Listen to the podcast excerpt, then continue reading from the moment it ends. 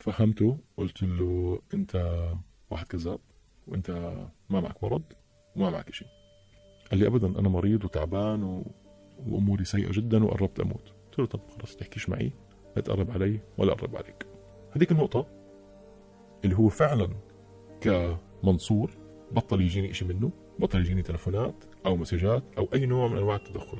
هاد إبراهيم بطل أول قصة ببودكاست صارت معي. القصة اللي خبرنا إياها على ثلاث أجزاء. انتو هلأ عم تسمعوا الجزء الثالث. بالجزئين الأول والثاني إبراهيم خبرنا كيف دخل شخص غريب بطريقة غريبة على حياته اسمه منصور. صار يتقرب منه وأوهمه بأنه مريض وبحاجة اهتمام واختلق شخصيات لتدعم الكذبة الكبيرة تبعه. وكل هالشي ليقدر يتحرش فيه جسديا بدون ما يصير أي مقاومة. لكن إبراهيم وبطريقة ما بتخطر على البال. كشف كذبة منصور وواجهه بالحقيقة. ومنصور حاول ينكر بالبداية لكن كانت حججه ضعيفة وما قدر يتدارك الموقف فقرر يتبع أسلوب تاني مع إبراهيم. لتسمعوا الجزئين الأول والثاني افتحوا ال link الموجود بتعليقات ال post. وهلأ خلونا نتابع بالجزء الثالث والأخير من هالقصة يلي صارت مع إبراهيم لأي حد تطورت الأحداث وشو صار بالنهاية؟ صار يجيني مسجات من مواقع دعائية. صار يجيني كل يوم رسائل تهديد من هذا الموقع. مين انت؟ ليش عم تحكي معي بهالطريقة؟ طبعا ما كنت أقدر أرجع أرد عليه بس أنا يجيني كل يوم مسجات تهديد. أنا مو عامل إشي غلط بس هو الشغلات اللي هي بس بتزعج. يعني بخبرني إنه إن شاء الله البيتزا اليوم كانت كويسة. ما تأكل كثير لأنك عم تنصح. بعدها بكم من ساعة. شو أخبار بقول لي اسم مديري؟ اليوم أظن لازم أبعث له مسج أخبره أنت شو بتعمل. ببعث لمديري. بقول له أنت متأكد إنه بحكي اسمي؟ إنه هو طول اليوم عم بيشتغل لأنه أنا عم براقب الواتساب تاعه وهو اليوم ثلاث ساعات قاعد على الواتساب. فكان دائما يهددني شغلات. مرة بعث لي قال لي إن شاء الله أهلك انبسطوا بال weekend سمعت إنه كانوا طالعين مشاوي. والله أنا حكيت مع أهلي وفعلا شو شو عملتوا على ال weekend قالوا لي كنا طالعين مشاوي. فكان مراقب مراقبني أنا شو بعمل مراقب أصحابي شو عم بيعملوا مراقب أكثر من حدا. ال messageات ما كانت توصلني لحالي. أي شخص قريب مني أي شخص بحس إنه هو على جهتي مش على جهته كان يوصل. وخصوصا هذا الصديق اللي اللي نبهني إنه في شيء غلط عم بيصير. هو كان ماخذ الضربه الكبيرة لأنه هو كان عارف منصور كان عارف إنه هذا الصديق هو السبب اللي خلاني أصحصح وأعرف. فكان يبعث له إله كان يبعث لأهله كان يبعث الشغل تبعه كان بده يدمر حياتنا. وضلينا إحنا بهالطريقة عم نوصل لمسجات كان يعمل profiles applications لتعارف. فأنا كانت صوري محطوطة على أكثر من platform على الإنترنت للتعارف. كان تلفوني محطوط كان الإنستغرام تاعي محطوط كان يجيني messageات كل يوم. كانت صوري موجودة بكل مكان. وكل الناس تتعرف وأمشي بالشارع الناس برضو تعرف علي. وما كنت أعرف إنه إنه قد عشان ما بفوت عليهم هاي المواقع فما بعرف انه أنا صوري موجوده بكل مكان. كان هو بس عم بيحاول يعني يحطم من حياتنا إحنا. وضليتني بهذه الطريقة من شهر 10 2018 لشهر 8 2019 وأنا يوميا عم توصلني مسجات يوميا عم توصلني تهديد. إن كان ممكن أوصل الاقي شيء تحت سيارتي شيء على باب البيت. هذا غير إنه هو كان يبعث لي كل فترة فترة مسجات هو كمنصور كشخص يقول لي إنه هو بده مني مصاري. وقتها كنت اكتشف كمان الكذب اللي عم بيصير تساءلنا مع إبراهيم عن شخصية منصور إنه شو ممكن يكون التوصيف النفسي لهالنوع من الشخصيات؟ لأنه واضح جدا من كل شيء سمعناه إنه منصور عنده مشكلة نفسية كبيرة وكان في كتير أشياء بتأكد هالشي. الوصف اللي كان يوصف فيه حاله يوصف فيه شكله جسمه تأثيره على الناس كان مش موجود. كان يحكي عن جماله هو مش شخص جميل. آه وكان يحكي إنه دائما آه إنه في سبب ليش انخلق هو هو انخلق عشان يساعد الناس. وهذا هو ليش الله بعته ليساعد الناس. فلما عرف إنه هو بده يموت هو ما زعل إنه بده يموت. هو زعل لأنه هو ما حيقدر يكمل رسالته. بس بعدين عرف كيف بده يكمل رسالة. بده يكمل رسالته ويساعد الناس بإنه يتبرع بكل جزء من جسمه لوحدة من الجامعات الكثير كبيرة موجودة بالعالم عشان يقدر يستفيدوا منه. وفي عندك جامعتين اللي هن في لهم برضه مستشفيات عم بيتخانقوا مع بعض علشان مين بده ياخذ دماغه ويدرس الموضوع الدكتور قال لي إنه هو درس ما بعرف له كم من سنة 20 سنة بالطب. لا أنا بسنين ال- الدراسة ولا بسنين الخبرة بالطب قدرت أشوف شخص بمستوى ال IQ أو مستوى الذكاء اللي منصور عنده إياه. قال لي هذا الشخص يدرس. بس بعدين لما عرفت إنه الدكتور هو نفسه منصور حزنت. قلت شو هالشخصية اللي دايرة طول اليوم عم تمدح حالها بتمدح جسمها بتمدح شكلها؟ هاي الشخصيات عندها هذا المرض النفسي عشان يثبتوا لك صحة كلامهم ممكن يضحوا بحالهم ليثبتوا لك. وبحالته هو وقع مرة أو ما بعرف إذا فعلا وقع أو لا بس هو مرة جبصن إيده أو حط شغلة على إيده أنه وقع على كتفه لأنه صحي لحاله بالليل وأجته النوبة وما كان في حدا جنبه. بس عشان يثبت إنه حكيه صح وهو بيحتاج حدا يسوق فيه. أسأل أخصائيين كيف ممكن أتعامل مع هاي الشخصيات؟ كيف ممكن إني أخلص من المشاكل اللي عم بيعمل لي إياها؟ فمن حكي لهم قالوا لي هاي الشخصية النرجسية بتحب حالها جدا وفعلا 100% هو حاله جدا. شخصية بدها اهتمام أي شخص ما بيعطيها اهتمام تطحنه وفعلا أنا أكثر من موقف صار قدامي إنه بنروح على محل ملابس نشتري إشي. صارت مرة. والشخص اللي بيشتغل محل الملابس ما اعطى أهمية. إحنا كنا رايحين على المول الساعة واحدة بالليل. كانوا الناس عم بتسكر. فيمكن الشخص هذا اللي عم بيشتغل هناك كان يوم طويل بالنسبة له. وخلص يعني بده يسكر المحل وما بده يفوت شخص جديد عليه ويقعد يعني يورجيه اواعي وهيك الشخصية هاي ما اعطاها ما أعطته أهمية كفاية. وهو طالع من باب المحل مسك كل الأغراض المحطوطة على الرف ووقعها على الأرض. أنا كنت ماشي وراه صفنت. قلت له ليش هيك عملت؟ قال عشان يتعلم كيف يحكي معي كويس. الوجه اللي اللي كان عم بيحكي معي بهذيك اللحظة مش نفس الوجه اللي أنا متعود عليه يوميا. كان كتير علم من قيمته وبنفس الوقت كان يقلل كتير من قيمته اللي قدامه. سألنا إبراهيم إذا كان حس بالخوف والخطر من منصور بعد ما عرف كل هالمعلومات عنه. أول فترة كنت ب- بحالة من الخوف. كنت مش عارف شو بدي أسوي لأنه ما بعرف قديش واصل قد عنده سيطرة. والشخصيات الغريبة اللي زي هيك ما بتقدر تتوقعي شو ممكن تعمل. هاي الشخصيات اللي هي بدها تدافع عن حالها بأي طريقة ما بعرف شو كان ممكن يتصرف. فأنا كنت شوي حذر وخايف. بعدين بضل في عندك أمل إنه الشخص هذا يوقف ويزوق ويروق ويهدى. بس الأمور ما كانت عم تخلص. وفكرة إنه هو بيعرف عني معلومات كثير شخصية كانت دائما تخوفني. كيف بيعرف؟ مين اجى عندي؟ مين راح عندي؟ فكان في نوع من الخوف. وظلت الشغلة ماشية معي لشهر 8 شهر 8 صحيت الصبح ما بعرف شو صار براسي قررت إنه أنا بدي أروح وأفتح قضية. أعطي أكثر ما بقدر إني بدي هالأمور توقف. أنا مليت زهقت. إحنا كلنا زهقنا وتعبنا. أنا كنت متماسك بس في ناس ما كانوا قادرين يتماسكوا. في ناس اثر هذا الحكي على شغلهم. رحت على المحكمة رحت على الشرطة. ساعدوني. وقفوا جنبي. عندي دلائل كفاية لأني أقدر أثبت إنه هذا هو الشخص اللي عم بيعمل هيك منصور.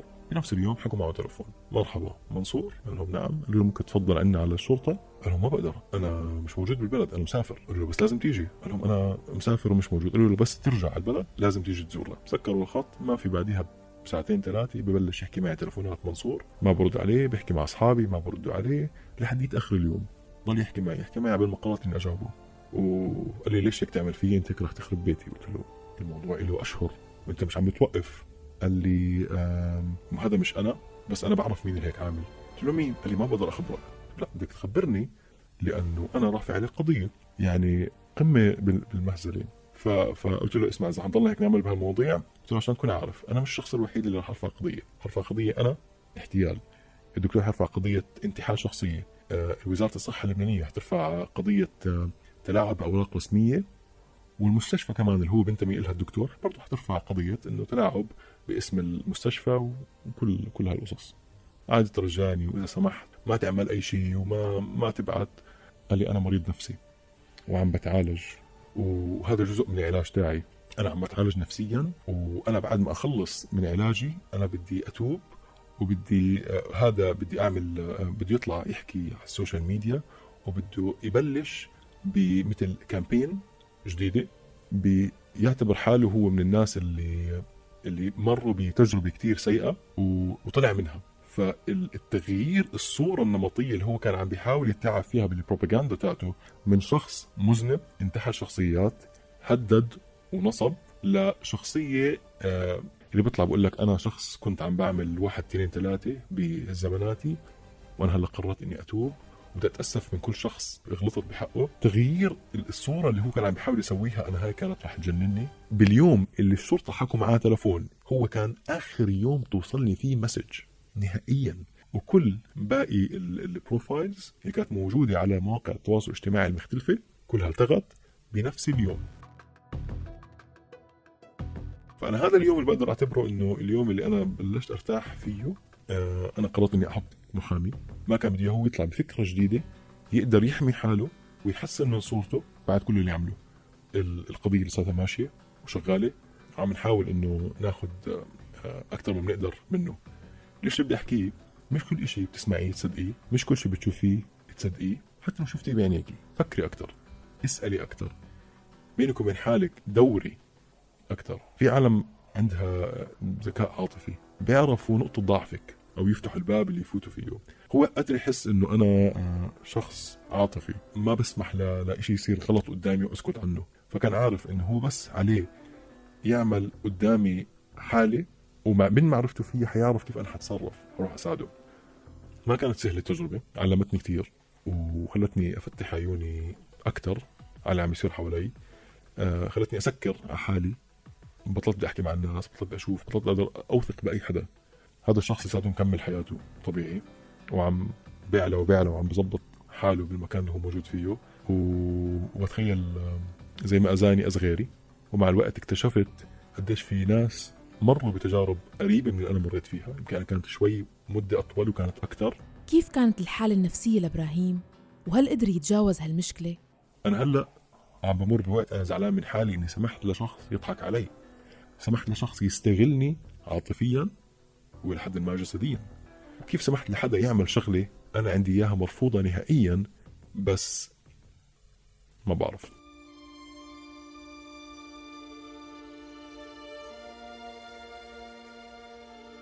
طول الفترة أنا كنت عم بم- بمر بهالقصة كل المشاكل عم تصير معي وكل التهديدات كنت أنا شخص متماسك جدا. الحكي هذا ما أثر علي ما أثر لا على شكلي ولا على ولا على شغلي ولا على عائلتي كنت متماسك إلى حد ما وكنت مصر ما بنروح بنأذي جسديا ما بنغلط بحقه. فهذا كله كان يعمل بريشر هذا غير أصحابي كمان كانوا يطلبوا مني طلبات ولما أحكي لهم لا كانوا كمان يقولوا لي أنت ما عم تأخذ قرارات وأنت وأنت وأنت. هن كانوا عم بيحكوا من منطلق العين بالعين زي ما هو بيعمل فينا هيك نعمل فيه هيك. وأنا كنت مصر ما بدي اعمل ولا أي شيء. ليش؟ لأنه أنا مش حصرف لا وقت ولا مجهود على شخص ما بيستاهل زيه. أنا اللي فيي بكفيني. أنا كان انبساطي وراحتي هو إنه أنا حياتي تكمل من غير ما يأثر عليها. ما في أبشع من إنه شخص زي هيك يقدر يتحكم آه، فيي عن بعد. ما عم بشوفه هو بمكان وأنا بمكان ومع هيك يأثر على شغلي يخليني أطلع من الشغل يأثر على عائلتي ياثر ما كنت أسمح له ابدا يأثر علي نفسيا ولا شخصيا. وهذا بعتبره ال- ال- النصر. كان يمكن الناس حوالي يعتبروني أنا شخص منهزم وخايف. لا ابدا. أنا مش منهزم وأنا مش خايف. أنا متمالك أعصابي وقادر أكمل حياتي ولا كأنه في إشي. هلأ كله من جوا كان يأثر كان يربي وكان يكبر. ال- ال- ال- الخوف وال- والتعب جسديا ما كان يبين علي بس أنا مثلا جسديا صار عندي مشاكل.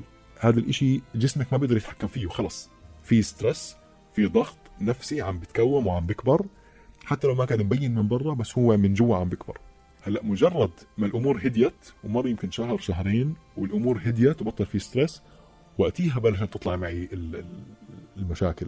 يعني من شهر زمن كنا بمحل عم نلعب رياضة. صرت أبكي وأنا عم بلعب. بطلت قادر ما بعرف شو اتحرك جواتي. كل مرة بنبسط فيها زيادة عن اللزوم ببلش أبكي. بس مش بكى اللي أنت متخيلتيه. قد ما هو إنه صار في عندي مشاعر جياشة زيادة عن اللزوم. آه، صرت كثير أخاف من الناس. ما أثق بحدا. أشيك ورا كل الناس. ما في حدا بيحكي معي تلفون برد عليه إذا ما بعرف الرقم أثر على علاقتي كثير كثير بعدت عن أهلي أول فترة لأنه ما كان بدي يحسوا انه إنه أنا في شيء مالي. آه، وبعدين هلا قررت إني أرجع أتواصل معهم أكثر حرام لأنه هن بيحسوا إنه في شيء غلط. أنا كشخص تعرضت لصدمه فهو هلا اللي عم بيحاولوا يسووه إنه هن يريحوني شوي يخلوني أطلع من المشاكل اللي صرت فيها. وأهم شيء يرجعوا لي ثقتي بنفسي. الشيء اللي كنا عم نحكي فيه قبل شوي أنا كان في عندي خيبة ظن من نفسي. أنا كنت مصدوم إنه أنا كشخص بعتبر حالي متعلم بعتبر حالي إني آه، فهمان مفتح على الدنيا. انصدمت إنه أنا ممكن هيك يصير فيي. وكل يوم برجع بتذكر ديتيلز وبرجع بتذكر تفاصيل تخليني أكون في عندي خيبة ظن أكثر عن القضية من الناحية القانونية سألنا إبراهيم وين صارت وشو آخر المستجدات؟ هلا ما حقدر كثير أحكي بالتفاصيل اللي عم بيصير حاليا لأنه لسه القضية مفتوحة ما تسكرت ولسه في كثير شغلات عم تتغير المحامي عم بيشتغل على على موضوع و... وأنا كمان نفس الوقت فكره إنه أصلا هلأ عم بطلع وعم بحكي هذا إنجاز لأنه أنا كنت كثير كاتب مع حالي وكنت مش قادر أحكي مع حالي بالموضوع ولا مع غيري فأنا مبسوط إني طالع عم بحكي. آه، أهم شيء إنه هذا الشخص ما يكمل باللي عم بيعمله ما يرجع ينصب على ناس من أول وجديد بس حسب حكي الشرطة حسب حكي الدكاترة النفسيين هاي الشخصيات إذا بتحشريها بزيادة ممكن تصير مؤذية أكثر عشان أنا أحمي حالي لازم أحميه شوي. إذا أنا وصلته لمرحلة إنه هو ما عنده إشي تاني يخسره بصفي وصل لمرحلة علي وعلى أعدائي فكره إلى حد ما هو ديل وصلنا لها مع الشرطة ومع الدكاترة اللي هو معلش حتى لو كان في حق كتير كبير معي وحتى لو كان في عندي دلائل كتير كبيرة ممكن ادينه لازم شوي أخفف من الجرعة وأستحمل لأنه بالآخر ما بدنا ناذيه لدرجة اللي هو يوصل لمرحلة إنه آه خسر كل شيء وما في شيء أكبر يخسره ويوصل لمرحلة إنه علي وعلى أعدائي فهي المرحله وصلت كيف تتوقع رح يكون الموقف إذا رجعتوا تواجهته؟ هو شخص من معرفتي فيه هو شخص جبان وما بيعرف يواجه. هو شخص عنده عقد من هو صغير مش من الناس اللي ممكن يواجهوكي وجها لوجه هو شخص بتخبى ورا التكنولوجيا. هو شخص ما بيعرف يواجه. هو كمنصور ما بيطلع شيء منه جبان وخايف.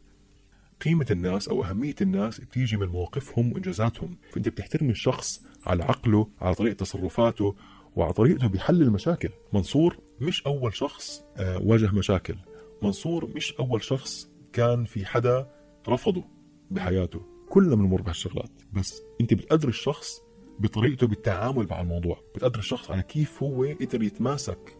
أنا دائما بحكي بيني وبين حالي أنا بحزن عليه وبشفق عليه لأنه هو شخص وصل لهذا العمر. هو بمنتصف الثلاثينات. وصل لهذا المركز بالشغل. ولهلأ ما بيقدر يتمالك أعصابه.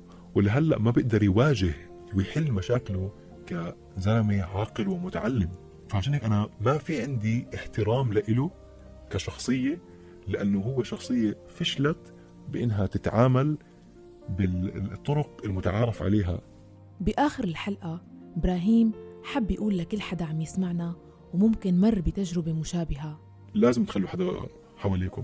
ما تستحوا إذا صار إشي زي ما أنا هلأ صار معي إشي خبروا حدا. ما تكونوا لحالكم.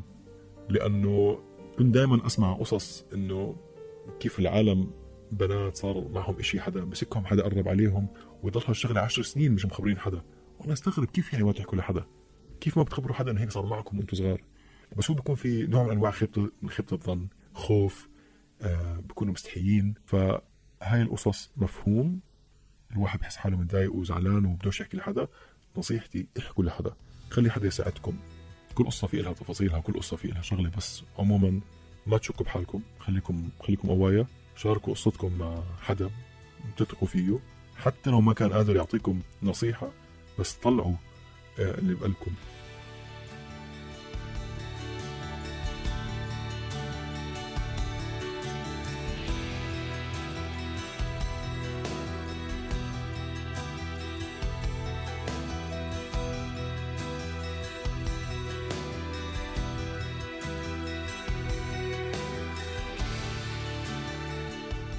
اسمعونا من خلال منصات بودكاست المختلفة من خلال تليفوناتكم وعبر موقعنا الآن dot FM أيضا فيكم تسمعونا من خلال Google و Apple Podcast iTunes و Spotify وأكيد SoundCloud وكل مشتركي تطبيق أنغامي صار فيكم تسمعونا هنيك. يعني من خلال أي منصة بتفضلوها إنتو قادرين تسمعونا بكل الأوقات. وفيكم تسمعوا الحلقات السابقة وتتعرفوا على برامجنا التانية. وللتواصل معنا راسلونا عبر الواتساب 00 971 568 531 592 كنت معكم أنا مها فطوم ببودكاست صارت معي. إلى اللقاء.